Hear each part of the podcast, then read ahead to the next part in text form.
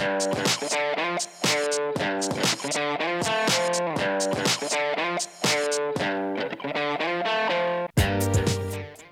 och välkommen till det 39 avsnittet av Tro och förnuft-podden som produceras av tidningen Sändaren i samarbete med Newman-institutet och teologiska fakulteten vid Uppsala universitet. Jag heter Kristoffer Skogholt och med mig har jag Erik Åkerlund och Peter Berntsson. Idag pratar vi med Amanda Lundin som medverkat i Exvangeliet-podden och hon berättar lite om sin väg ut ur tron. Så varmt välkommen till programmet.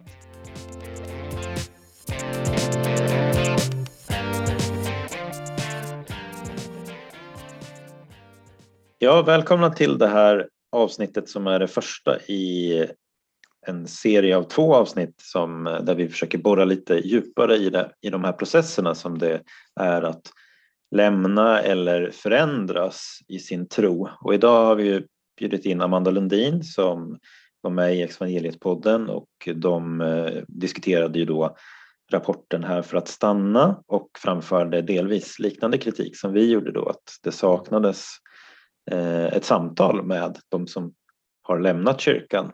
Ehm, och mm. Amanda har ju lämnat tron och sen kommer vi också ha samtal nästa avsnitt då med prästen Eva Kronsjö som eh, har gjort resan att först lämna tron eller i stort sett lämna för att sen komma tillbaks eh, till den.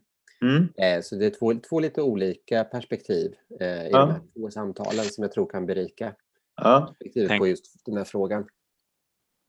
Ja, vi var ju ganska kritiska visade sig till den här Här för att stanna-rapporten. Den var ju inte bara negativ på något sätt, men jag, jag, tänker att det här blir lite vårt bidrag till att komplettera det vi ansåg saknades, inte minst perspektivet för den som lämnat tron och hur det är att vara där, men också hur det är att liksom var, kanske också belysa behovet av en dekonstruktion ibland och en rekonstruktion av mm. tron Mm, jo, absolut.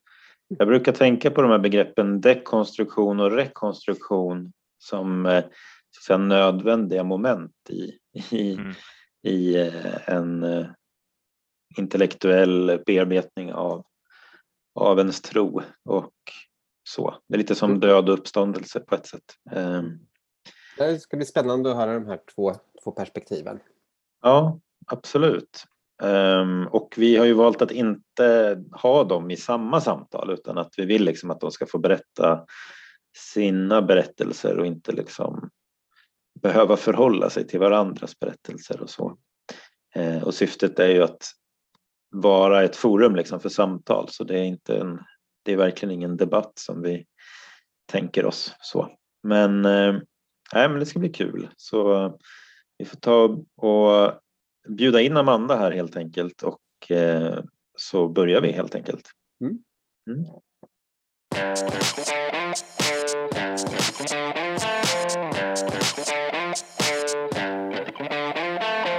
Ja, då har vi bjudit in Amanda Lundin eh, till Tro och förnuft-podden och eh, jag säger välkommen till dig.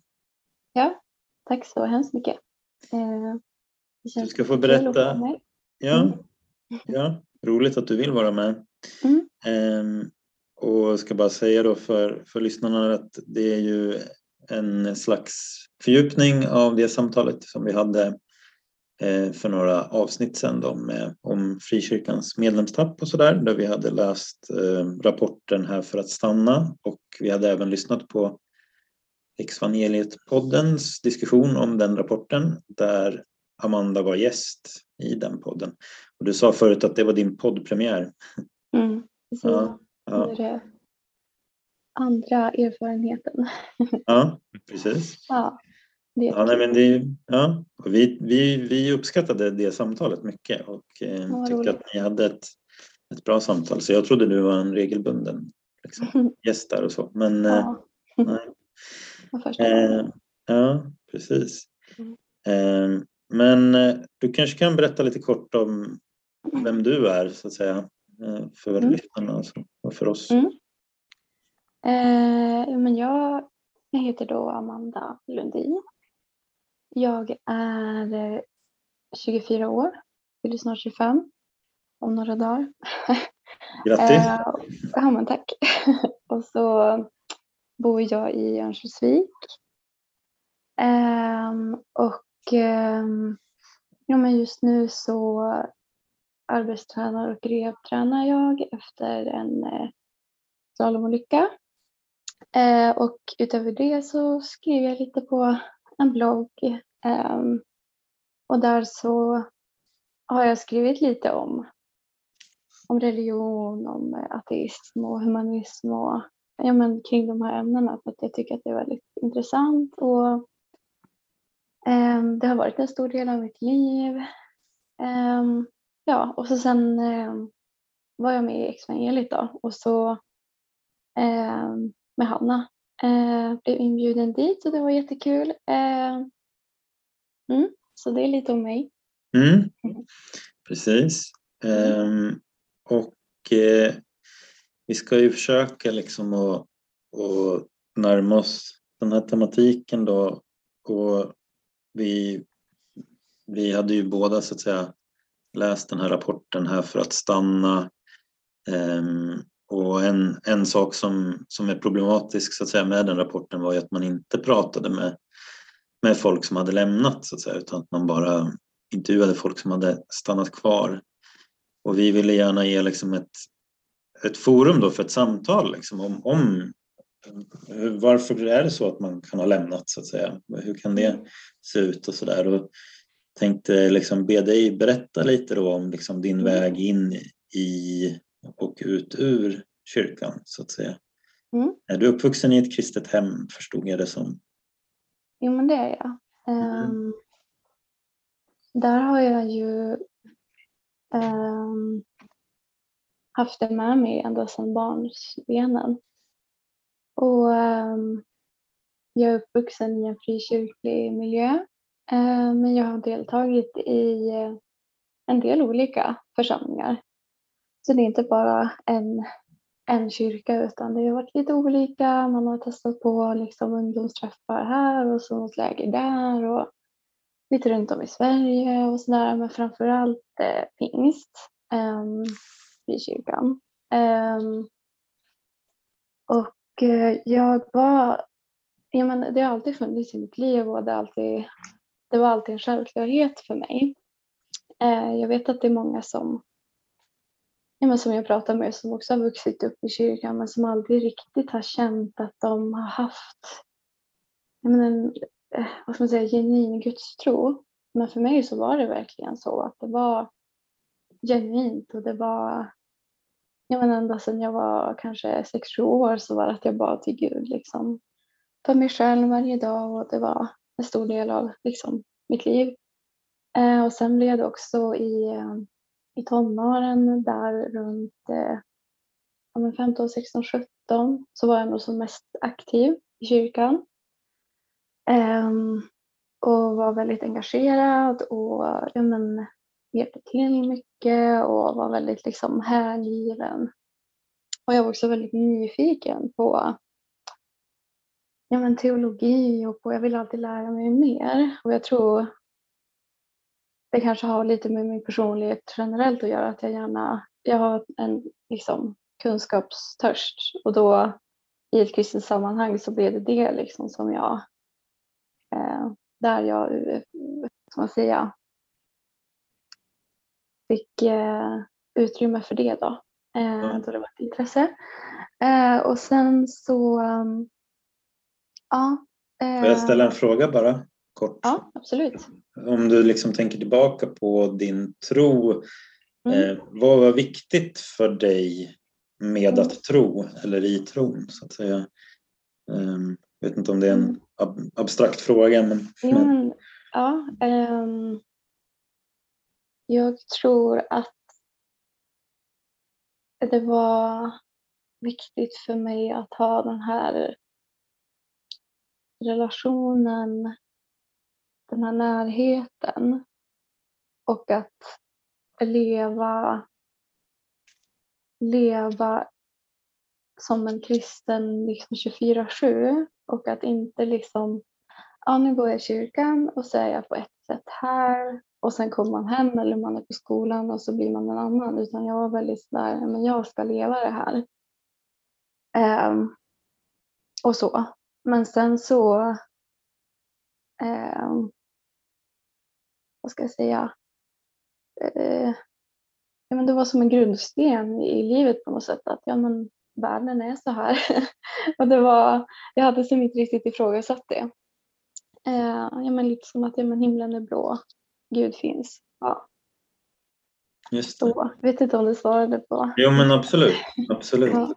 absolut. Och vad var, vad var liksom då första steget i problematiseringen? Att det inte Mm. var lika självklart så att säga. Precis, och det har jag funderat på jättemycket för att det är ju en otroligt komplex eh, process. Och det är så svårt att försöka få det i ord och försöka sammanfatta. Men jag ska göra mitt bästa i alla fall. Men eh, jag tror att det var en del saker som gjorde att jag inte riktigt trivdes så bra i, i kyrkan. Och mitt eh, deltagande började liksom trappa ner. Men samtidigt så hade jag kvar liksom min egen gudstro väldigt starkt eh, och ville fortsätta fortsätta på egen hand liksom med bön och med bibelläsning. Men jag tror att när jag ehm, var mindre regelbundet i kyrkan så gav det mig mer utrymme att kanske ja, men börja tänka lite utanför ramarna så att säga. Ehm, den här trygga liksom, punkten i kyrkan, att jag börjar gå iväg åt ett annat håll, jag börjar kunna eh, ja, men jag blev äldre, det här var ju runt närmare 20-årsåldern, började kunna tänka mer självständigt och ifrågasätta saker och, och sen, ja men som jag beskrev så har jag en väldigt stor kunskapstörst så att jag började läsa på om massa olika saker som intresserar mig. Och då lärde jag mig mycket om ja, människans ursprung och psykologi och det började liksom väcka Mm. frågor och tvivel. Men eh, till en början så var det ju att jag tryckte bort och var väldigt rädd för de här känslorna Mm. av tvivel och så här, nej nej, Mm. inte liksom gå dit. Ehm, en väldigt skrämmande sak att känna att ja, men det börjar liksom falla isär lite grann min, min tro. Mm. Jag tänkte på det när du berättade i Exvangeliet-podden just om, Mm. om att liksom, det fanns ju en, en, ty, en, en stor innerlighet så att säga, i din tro Mm. att du ja, gärna ville så att säga, tro på, på, Mm. som jag förstod det. Ja. Så, och att, ja, nej men precis. Verkligen. Mm. Ja, intressant. Så liksom, ja, en lite förändrad eh, livssituation eller liksom Mm. lite förändrad relation till hur mycket du gick i kyrkan och sen ett, Mm. ett, en, slags ökad eh, läsning om, om världen och om Mm. och sådär som, som Ja. utmanade dina perspektiv så att säga. Mm. Ja, Det, det kan man verkligen säga. Och så tog det ju några år, alltså jag skulle säga kanske fem år, från det att jag var en ja, hängiven troende till, som jag idag kallar mig för, ateist. Och då var det som bit för bit att, ja men i evangeliet så kallar vi för eh, dekonstruktion, att ja men först kanske jag hade en mer, vad ska man säga, liberal eller liksom flytande gudsbild. Kanske mer sån här form av deism eller något sånt. Och så var det som bit för bit att det liksom föll eftersom. Eh, och ehm, ja, det var många saker på vägen men eh, det tog liksom sin tid och det var inte så att jag bestämde mig för att nu ska den här förändringen ske utan det var en lång process. Just det, Ehm, precis. mm. Ja. Så, ungefär. Ja, tack så mycket. Ja. Peter, du hade någonting här. Jo, men jag, jag kommer ihåg att jag fångades någonting när jag lyssnade på Exvaneliet, att du berättade att en väg, alltså någonting du började upptäcka eh, i samband med den här dekonstruktionen och att du liksom började släppa lite på de här, vad ska vi säga, hämningarna. Det var mm. att du började utforska ett intresse för alltså, asatro, alltså i, mm. som, som mm. värld. Så här, jag såg på din, mm. du skriver ju lite dikter på din hem, hemsida eller din blogg mm. där och, och där hade du någon om, om Valhall och så där. Alltså jag bara, vill du berätta lite om vad, hur, hur det var mm. liksom, och vad det handlade om? Absolut. Um, ja, men det, var, det började med att jag tänkte att jag skulle skriva en uh, fantasyroman. Och så skulle det ha lite tema då med fornnordisk ja, men alltså tro och de gudarna och den världen. Uh, och, och, när jag började det projektet så var jag fortfarande troende på någon viss nivå. Och då var det just det att jag kände en oro för att jag är något fel nu och liksom läser om hedniska gudar och är, är det här farligt liksom för min själ och för min ande? Eh, ja, så jag var lite mitt uppe i den här dekonstruktionen då. Men sen eh, ja, gjorde jag det ändå, började läsa på för att jag tänkte att ja, men, jag måste få göra det jag tycker om. Liksom.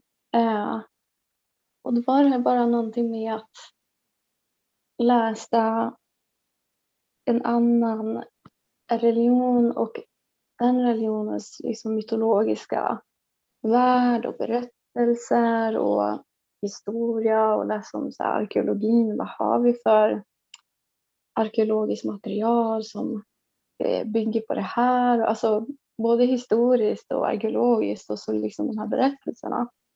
Då var det som att jag dels kunde se väldigt många likheter med, med Bibeln och med eh, alltså skapelseberättelsen där. Och, um, det blev som att jag fick, fick ett lite bredare perspektiv på men hur religioner skapas och hur vi mm. ser på gudar och hur vi liksom eh, ja, man berättar berättelser om oss själva, om vårt ursprung och sådär. Eh, så nu så idag, alltså jag är ju ateist och jag tror inte att Freja och Oden finns liksom. Men sen tycker jag bara att det är en häftig del av vår historia. Um, så. Um, mm. Mm. Jag tänkte hoppa tillbaks lite till um, den här processen. Ja, den, den hänger väl ihop med, med det här också på ett sätt. Men, men det du började med att berätta där om, om lösning lite vidare och, mm. och uh, om människans ursprung och sådär. En återkommande sak som vi väl återkommer till i podden är ju att det finns en brist i kyrkan på att ge människor eh, redskap för att relatera teologi till annat mm. som vi vet om världen så att säga. Mm. Och att man ibland försöker man väl kompensera den bristen på så att säga intellektuella redskap med att, skapa, med att betona så att säga, den känslomässiga mm erfarenheten och dimensionen starkare så att säga. Mm. Så att man måste leva i, i två världar så att säga. Och, och, med det sagt så vill jag inte säga att alla som får, får de redskapen kommer att, att vara troende. Det är inte riktigt det som jag menar. Men, mm. men däremot så menar jag att det är som att kyrkan inte ens ger redskapen och liksom inte ens visar att det finns folk som tänker i kyrkans historia och så vidare. Så att man så att det, det, är, det är liksom att jag sa, det, jag sa väl det i, i våran, vårat avsnitt så att säga att, att, att frikyrkan har en hammare som är känslomässigt engagemang och då den vill man gärna använda så att säga för att, mm. försöka lösa, lösa alla problem med så att säga. Men ehm, Mm.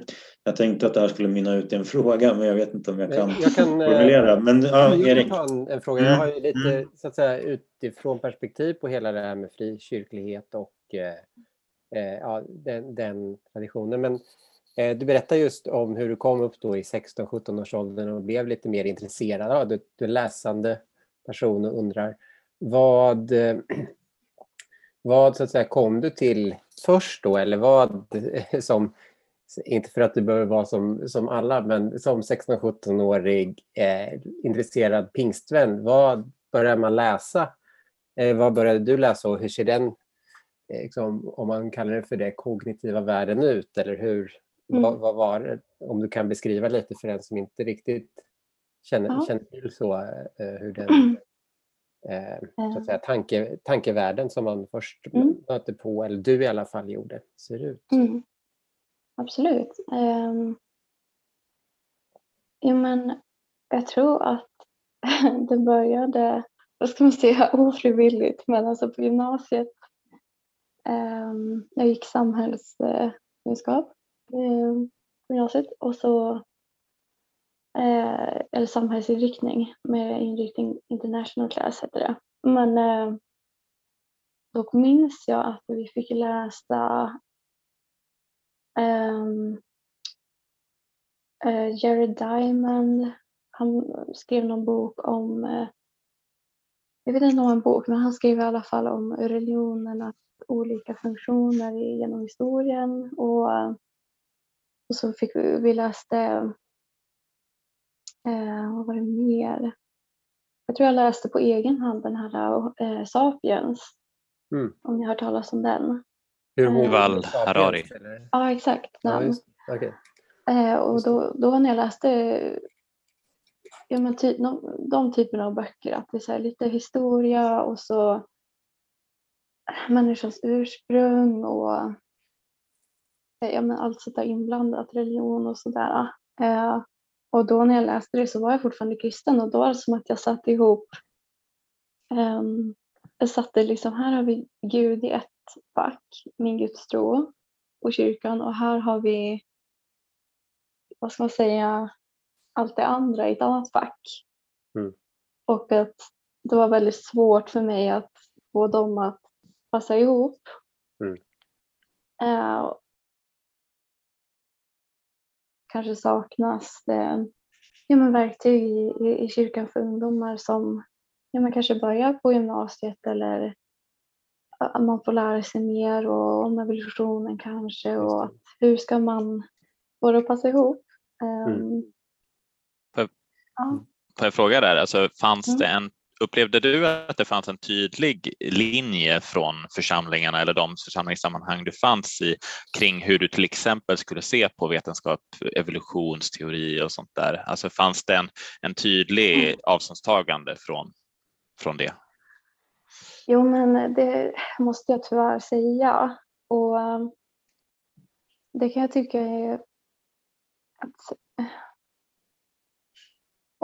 om, man som eh, församling vill att ungdomar ska stanna så kan det nog vara väldigt viktigt det här att hur, hur förhåller vi oss till vetenskap som kanske på ytan då strider emot liksom klassisk eh, ja, men, eh, traditionell kanske syn på eh, skapelseberättelsen och så och allt möjligt.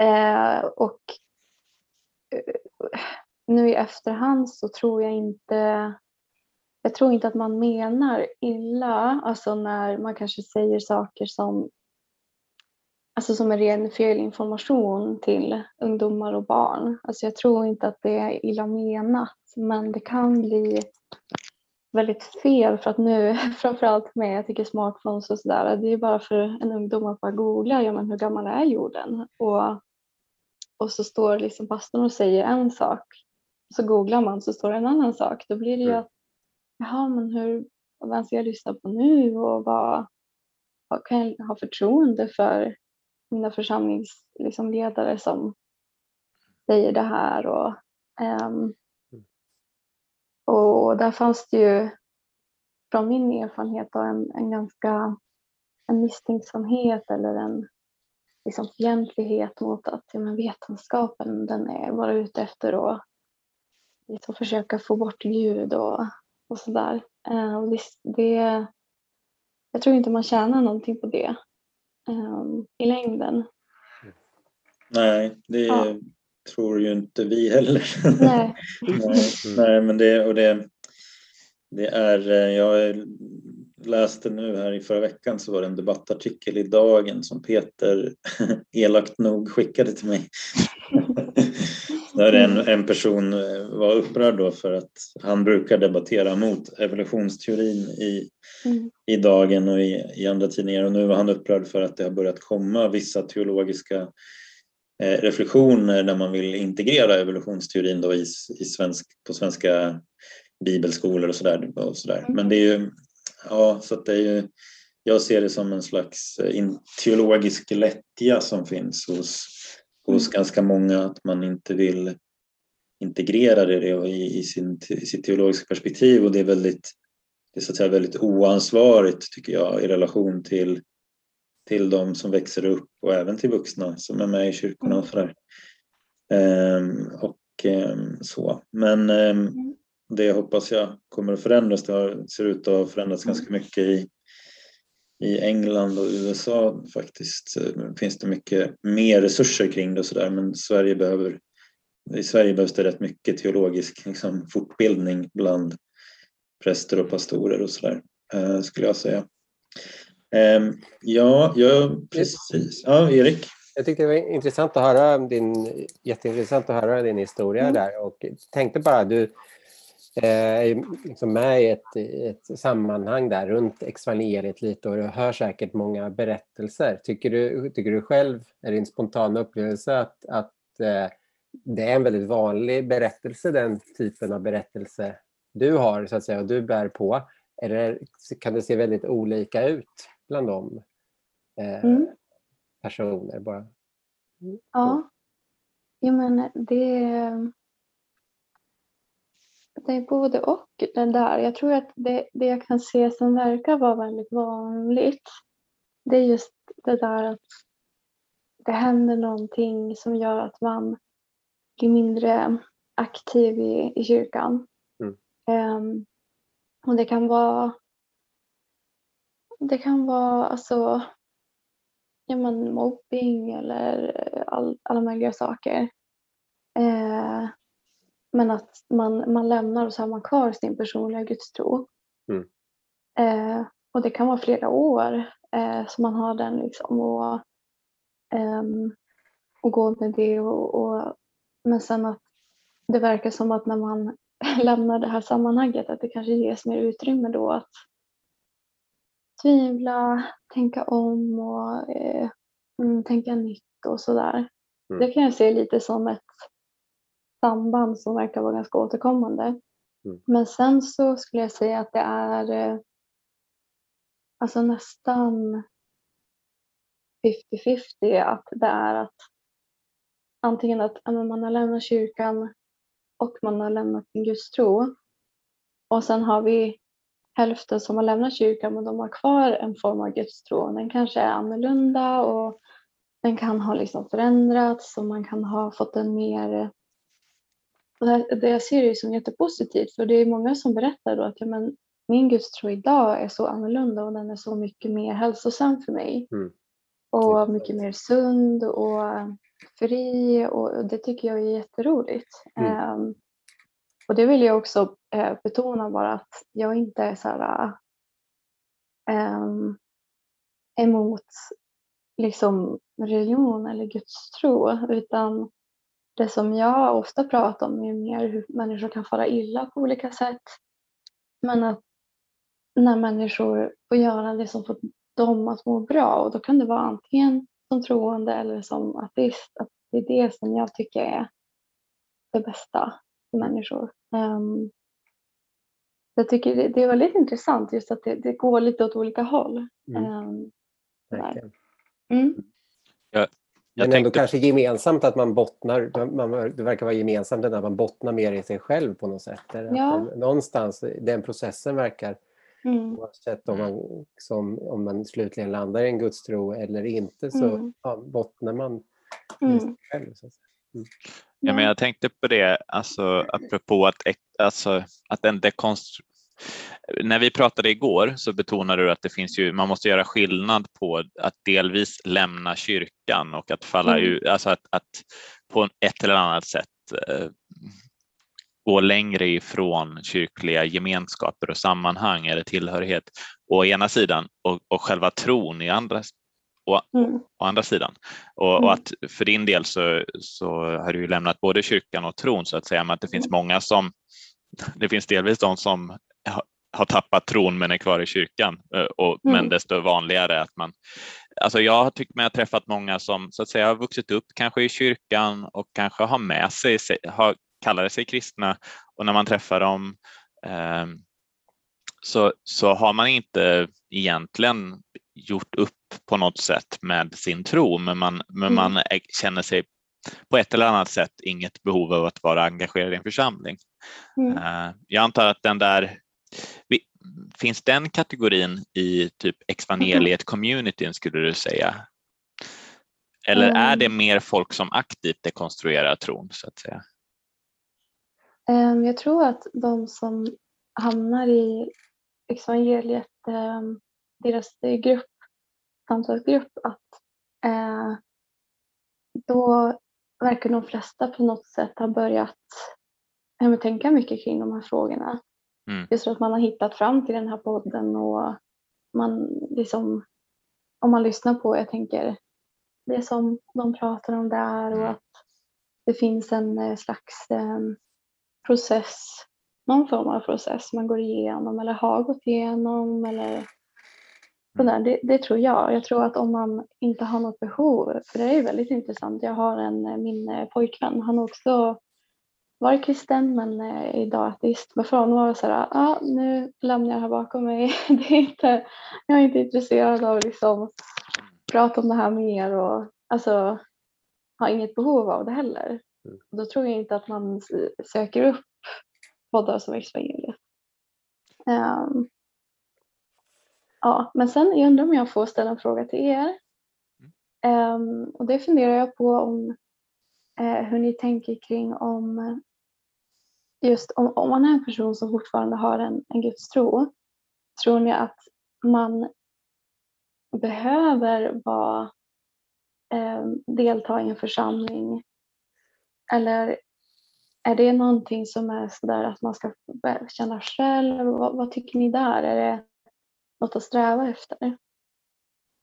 Jag tänker att det är viktigt. Alltså jag tror att människan per definition är en gemenskapsvarelse så att vad vi än Eh, och, och, det kan man ju det kan man ju tycka även om man inte tror på Gud så att säga. Alltså att, att, vi blir som vi umgås på något sätt och på det sättet så tänker jag att det alltid är klokt att om jag har en övertygelse om att det här är någonting som är viktigt hos mig som jag vill bevara, då tror jag att i längden så, så bevarar man det genom att, att man blir som man umgås så att säga.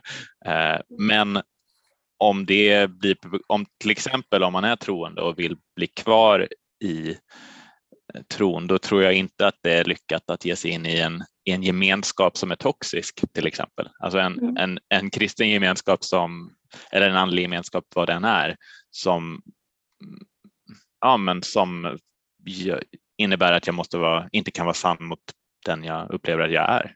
Det, det, mm. det skulle väl vara min reflektion. Mm. Nej, jag tänker precis som du där Peter att alltså dessbättre så finns det ju lite olika typer av församlingar. I frikyrkorna är det ju oftast en mer tät gemenskap så att säga. Medans går jag till domkyrkan, vilket jag gör ibland och går på mässa mitt i veckan där, så känner jag igen folk som sitter där men jag vet inte vad de heter. och jag tror att den typen av sammanhang kan vara eh, viktiga och är fullt tillräckliga för många människor. De har ett sammanhang dit där de får näring men de, de har inte av olika skäl liksom behovet av den där väldigt täta sociala gemenskapen eh, kring det hela och sådär. Eh, och annars så tänker jag att det är lite komplext för att jag tror att eh, eller liksom, man, man kan prata utifrån sin egen erfarenhet då, på något sätt och då tror jag att det för min egen del är så att jag å ena sidan märker att det har varit terapeutiskt för mig att komma till ett annat sammanhang än det sammanhang jag var i på när jag gick på gymnasiet och lite några år efter där. Alltså jag skulle inte klara av det sammanhanget idag. Ehm, men eh, jag har kommit till ett annat sammanhang liksom, där, det finns, där det finns en plats för ehm, diskussion, intellektuell brottning, vara lite, det, alltså, vi hålls inte ihop heller av att vi har en, en väldigt stark moralistisk gemenskap kan man inte säga utan någonstans så uppfattar jag att vi, vi snarare hålls ihop kring praktiker som eh, nattvarden eller, eller sådana saker. Um, och där har jag liksom upp, min upplevelse är ju att jag kan inte alltid på förhand räkna ut huruvida det här kommer vara givande för mig när jag går till kyrkan. Ibland blir jag förvånad så att säga. Och den aspekten av att kunna bli förvånad kanske går lite miste om om man är för utelämnad till sig själv och det som jag just nu känner för. Så att, säga. Eh, så att eh, någon slags eh, hålla ihop lite olika saker försöker jag göra i mitt svar här. Då. Att eh, det finns ett, ett värde i, i att vara en del av en gemenskap och, och göra praktiker som jag inte alltid eh, bara går på känsla så att säga. Ehm, mm. Men samtidigt får jag vara där med en integritet och liksom, mm. det är ingen som kör över mig. Så. Mm. Ja, jag, jag tänker för, alltså, tänker, den första tanken i din fråga är att alltså, Gud är närmare mig själv eller varje människa närmare mig än vad jag själv är. Så att säga. Så att, eh Eh, en gudsrelation har alla överallt, allt skapat har en, en gudsrelation på, på det sättet hela tiden. Så på det sättet så upprätthålls gudsrelationen överallt. Sen å andra sidan så kommer väl jag från då, eller tänker jag att eh, Gud blir människa och vill ha en konkret gemenskap med människan och samlar, det är det, det Jesus gör, samlar lärjungar runt sig. Han skriver inte ner någon bok eh, eh, egentligen utan samlar lärjungar och skapar liksom vissa praktiker och det är det som fortsätter idag med, med kyrkan. Så kyrkan är gemenskap och det, det är det som har fört vidare eh, budskapet också i grunden. Men därav är det ju också så mycket viktigare att just tänka på hur den gemenskapen ser ut och är och uppmärksamma liksom, missbruk av olika typer. Du var ju inne, Erik. Uh, ja, just det. Förlåt. Ja, men jag ska, kan försöka ta upp tanketråden här om du vill. Ja, ja, nej, jag tänkte bara på att du nämnde det när vi pratade om Här för att stanna men jag tror inte att det kom med i programmet sen. Men du tog upp där att, um, att du uppfattar att det i katolska sammanhang som ju du finns i finns en lite mer fluiditet mellan liksom i, i vissa perioder är man mindre aktiv andra perioder är man mer aktiv och det blir inte så vattentäta skott mellan vilken form det tar och det blir ju också ett sätt att skapa rum. Du måste inte lämna för att bli mer fri, eller vad man ska säga, mer ja, oberoende. Visst, katolska kyrkan har ju liksom 1,2 miljarder medlemmar och det kan se extremt olika ut vilken inriktning man har eller hur aktiv man är under den perioden i livet och så vidare. Men sen finns det också tätare gemenskaper inom där. Eh, men, men det viktiga där är väl just att tänka att menar, eh, genom att bli kristen tänker jag att man inte ska bli kopia av någon annan utan bli mer genuint sig själv. Då måste också kyrkan kunna härbärgera liksom alla olika typer utav människor och det finns definitivt enskilda sammanhang som man bör lämna som människor inte mår bra i, som man bör lämna även liksom inom kristna sammanhang för att kanske till och med rädda sin eh, tro eller ja, menar, för att må bra helt enkelt. Så, mm. så uh, mm. det är väl en del av svaret att jag ändå tror att det finns liksom den oundgänglig gemenskapsaspekt av kristen tro. Det är så den ser ut. Liksom. Eh, det är, en, det är en gemenskap och utan den gemenskapen hade man inte kunnat... Men det är ju på något sätt på flera olika men, nivåer, men, tänker jag. För jag tänker att någonstans är det väldigt viktigt att komma ihåg att um, man brukar ibland prata om, om det här med um, Alltså man kan bara... Det är ju någonstans en autentisk gemenskap vi är ute efter. Så att säga. Mm.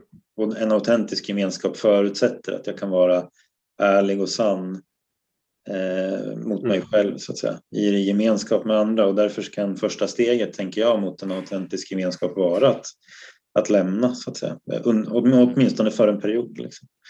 Eh, men nu kanske vi inte ska hamna i en djup teologisk, eklesiologisk eh, debattdiskussion. Ja, men får jag bara säga en sista sak? Jag tycker ändå genomgående lite grann när man har vissa sådana berättelser att någonting brukar hända där i 20-årsåldern plus minus. Och så är det väl i alla sammanhang i stort sett att men det, det, är inget typ, det är inget speciellt för, för kristna berättelser. Det kan vara att man är uppväxt på någon liten ort och sen så känner man att nu är jag klar med det här och måste gå vidare. Mm. Alltså det ju, har ju också att göra med den aspekten att vilket sammanhang man är med i och hur exakt det ser ut kommer, måste och kommer att skifta genom livet eftersom man utvecklas och förändras.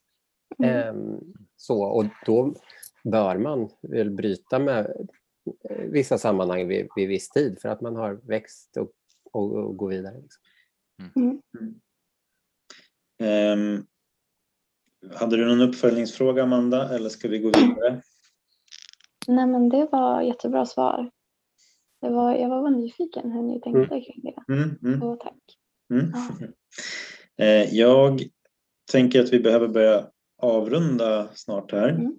Ehm, jag, hade, jag är lite nyfiken på om du skulle kunna säga att du har något slags råd till kyrkan mm. utifrån dina erfarenheter. Ja. Um, jo men det um, Vi har ju varit inne lite på det att um, vara mer öppen mot ja, men vetenskapen och jag tänker alltså evolutionen och det behöver ju inte vara därför som någon slutar tro men det kan vara, men det handlar mycket om förtroende tror jag. Eh, att man ska känna liksom att man kan lita på sin pastor och vad de säger och sådär. Där kan det då börja skava om det, det är sådana liksom konflikter och, och så. Och sen eh, tänker jag att från sammanhanget jag kommer ifrån så eh, var det väldigt mycket vi mot dem eh, tänk. Och det, jag menar, eh, när ni, jag lyssnade på ert, ert svar eh, eller er reaktion på Exvangeliets avsnitt och jag tyckte det var så bra att ni, ni tog upp det och pratade om det och att ni liksom håller med att det inte är bra att se på människor på det sättet. Um, för att då, då blir det en um, konflikt på något sätt när man då, vad ska man säga, går ut i världen och så ser man att ja, men, de som inte tror på Gud, de kan ju faktiskt vara helt okej. Okay. då blir det som en sådär krock i det man har fått lära sig och sådär. Um, och att men jag tror att man bara förlorar på att försöka stänga in ungdomarna och säga att man titta inte på det där och läs inte det där. Och det är klart att man vill göra det man inte får och så mm. blir man nyfiken och så kan också skapa en, en sån bitterhet mot de här, den här strikta ramen. Mm. Eh, och istället för att man kanske i ett sammanhang där man är öppen och man är liksom um, vad ska man säga, Jag är inte rädd för någonting. Alltså det, det, man kan vara liksom lugn i att ja, men, alltså känna ett förtroende kanske för sina ungdomar. Att ja, men, de, de kan läsa vad de vill. Det är liksom, vi finns kvar här. Um, Gud finns kvar här. Liksom. Att det, um, ja, något sånt. Och sen så jag har jag också tänkt mycket på att um, något som jag blir väldigt kan säga, upprörd över är just att bilden på de som lämnar är ganska, såklart inte alltid, men i många fall så eh, eh, skapar man någon slags karikatyr. Eh, dels inom församlingen, det minns jag ju själv, man pratar om de som lämnat, att det är nästan, de, de är nästan psykiskt sjuka. Alltså, de är eller de har eh, eh, ett ont hjärta eller de liksom eh, de söker liksom eh, köttets lustar och det är allt möjligt som man eh, pratar om varför folk eh, lämnar och så. Och det, det hjälper inte heller utan det är, inte bra alltså att, att prata om människor på så svart och vitt sätt och att något som gör mig också lite besviken är att man i, i alla fall de sammanhang jag kommer ifrån att man på något sätt försöker bygga upp att men vi är en familj och vi älskar varandra. Men då märker man att det är väldigt ehm, eh, det finns mycket villkor för att om du inte har samma exakt samma form av tro eller ja, men då är man nästan inte längre människa. Um, och det har ju märkt själv att hur, hur man blir liksom bemött av de som jag trott var mina vänner. Att ja, men det, var, det byggdes bara på att jag hade samma tro. Um, och där, men det är väl mer tänker jag hur man bemöter kanske de som lämnar för att jag tror det är viktigt att komma ihåg att ja, men, vi, vi som har varit i de här sammanhangen, vi, vi är ju på ett sätt en, en del av kyrkans historia och vi, vi har bidragit med saker, vi har volontärarbetat och att man på något sätt kan ha någon form av respekt att ja men okej, okay, um, det är den personens liv och den personens val och vi ska ja, men älska och respektera den personen och um, uppskatta den tiden var här och sen vara välkomnande om den vill komma tillbaks.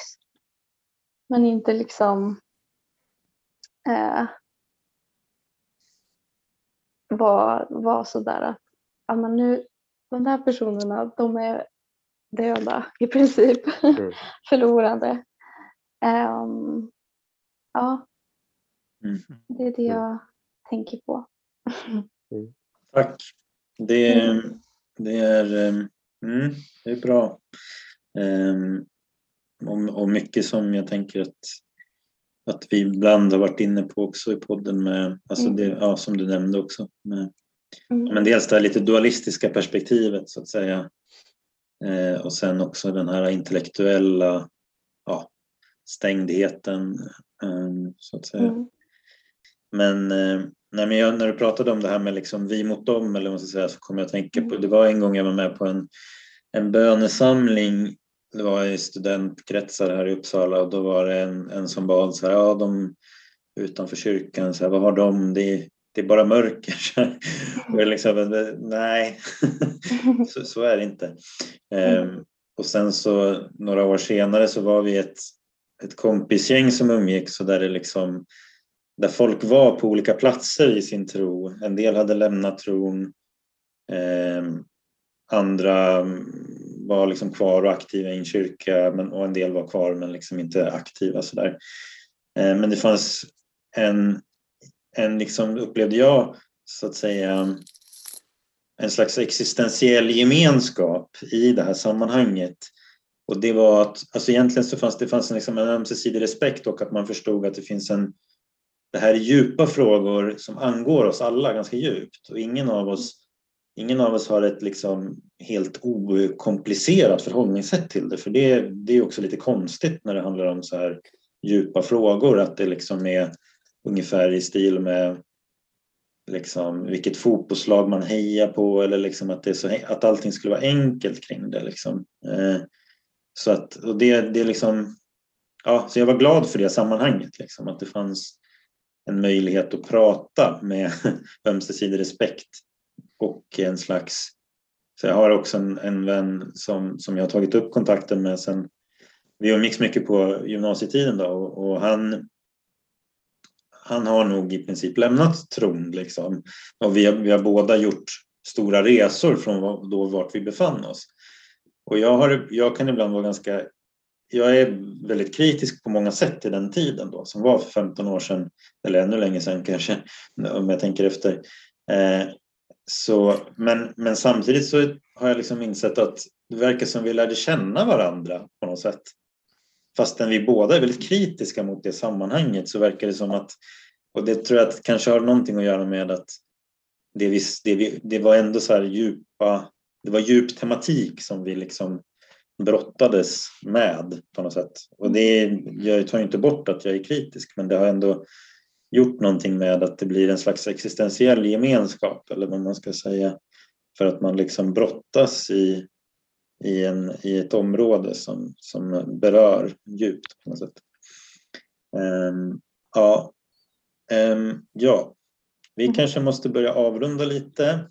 Um, har Peter och Erik något som ni vill tillägga? Nej, jag bara tack för dina, dina råd och dina reflektioner kring alltså, mm. vad, vad, jag tror precis som du säger att kyrkan behöver ta med sig en medvetenhet om, om alltså jag tänkte på den här när du beskriver liksom hur vi målar upp historien. Det finns så många, det var det jag reagerade på här för att stanna, liksom att, att när man pratar om de här människorna som bara försvinner, det är som eh, det är också människor och det är också människor som har som verkliga människor med en verklig tro eh, mm. har haft en verklig tro. Sen kanske det har hänt och den tar sig, det tar sig andra, livet tar sig andra uttryck. Men vi får inte eh, men vi kan inte bara tippexa bort människor på det sättet i kyrkan om, om det ska vara öppet och ärligt. Mm. Eh, så det tar jag med mig. Mm. Nej, jag är helt enkelt tacksam. Jag kommer lite till just de här sammanhangen lite utifrån så jag är väldigt tacksam att få höra att det finns mm. folk som, som, som eh, tar tid och, eh, och, kunna, och kunna ge vidare, tid och kraft och ge vidare. Så jag tycker det är väldigt värdefullt eh, att få lyssna. Så tack så mycket för att du gör det. Ja, men, ja, jag vill säga tack också till er och det, det nämnde jag igår också men eh, att jag alltså, tycker det här är så himla bra och roligt att vi kan ha ett sånt här samtal och att vi kan ha en ömsesidig förståelse och respekt. Och det är som, man, man tänker att det borde vara enklare kanske, men det är inte så enkelt alltid. Och um, jag uppskattar verkligen er podd också. Jag lyssnar på den och jag tycker att ni ja, men, pratar om jätteintressanta grejer och, och ja, men, jag gillar verkligen den här inställningen ni har i, i podden till tro och till allt det. Det är som en så frisk fläkt eller vad man ska säga från det sammanhang jag kommer ifrån. Um, men så det var jättekul att få vara med och ja, jag uppskattar det verkligen. Tack så mycket. Mm. Och jättekul att du ville vara med som sagt. Mm. Och tack så mycket för det du har delat. Så hoppas mm. vi att samtalen om de här frågorna fortsätter. För det, mm. det ja. behövs ju mm. verkligen. Mm. Tack så mycket för idag. Ehm, vi hörs eh, snart igen alla lyssnare och tack så mycket Amanda. Tack. Hej då. Hej.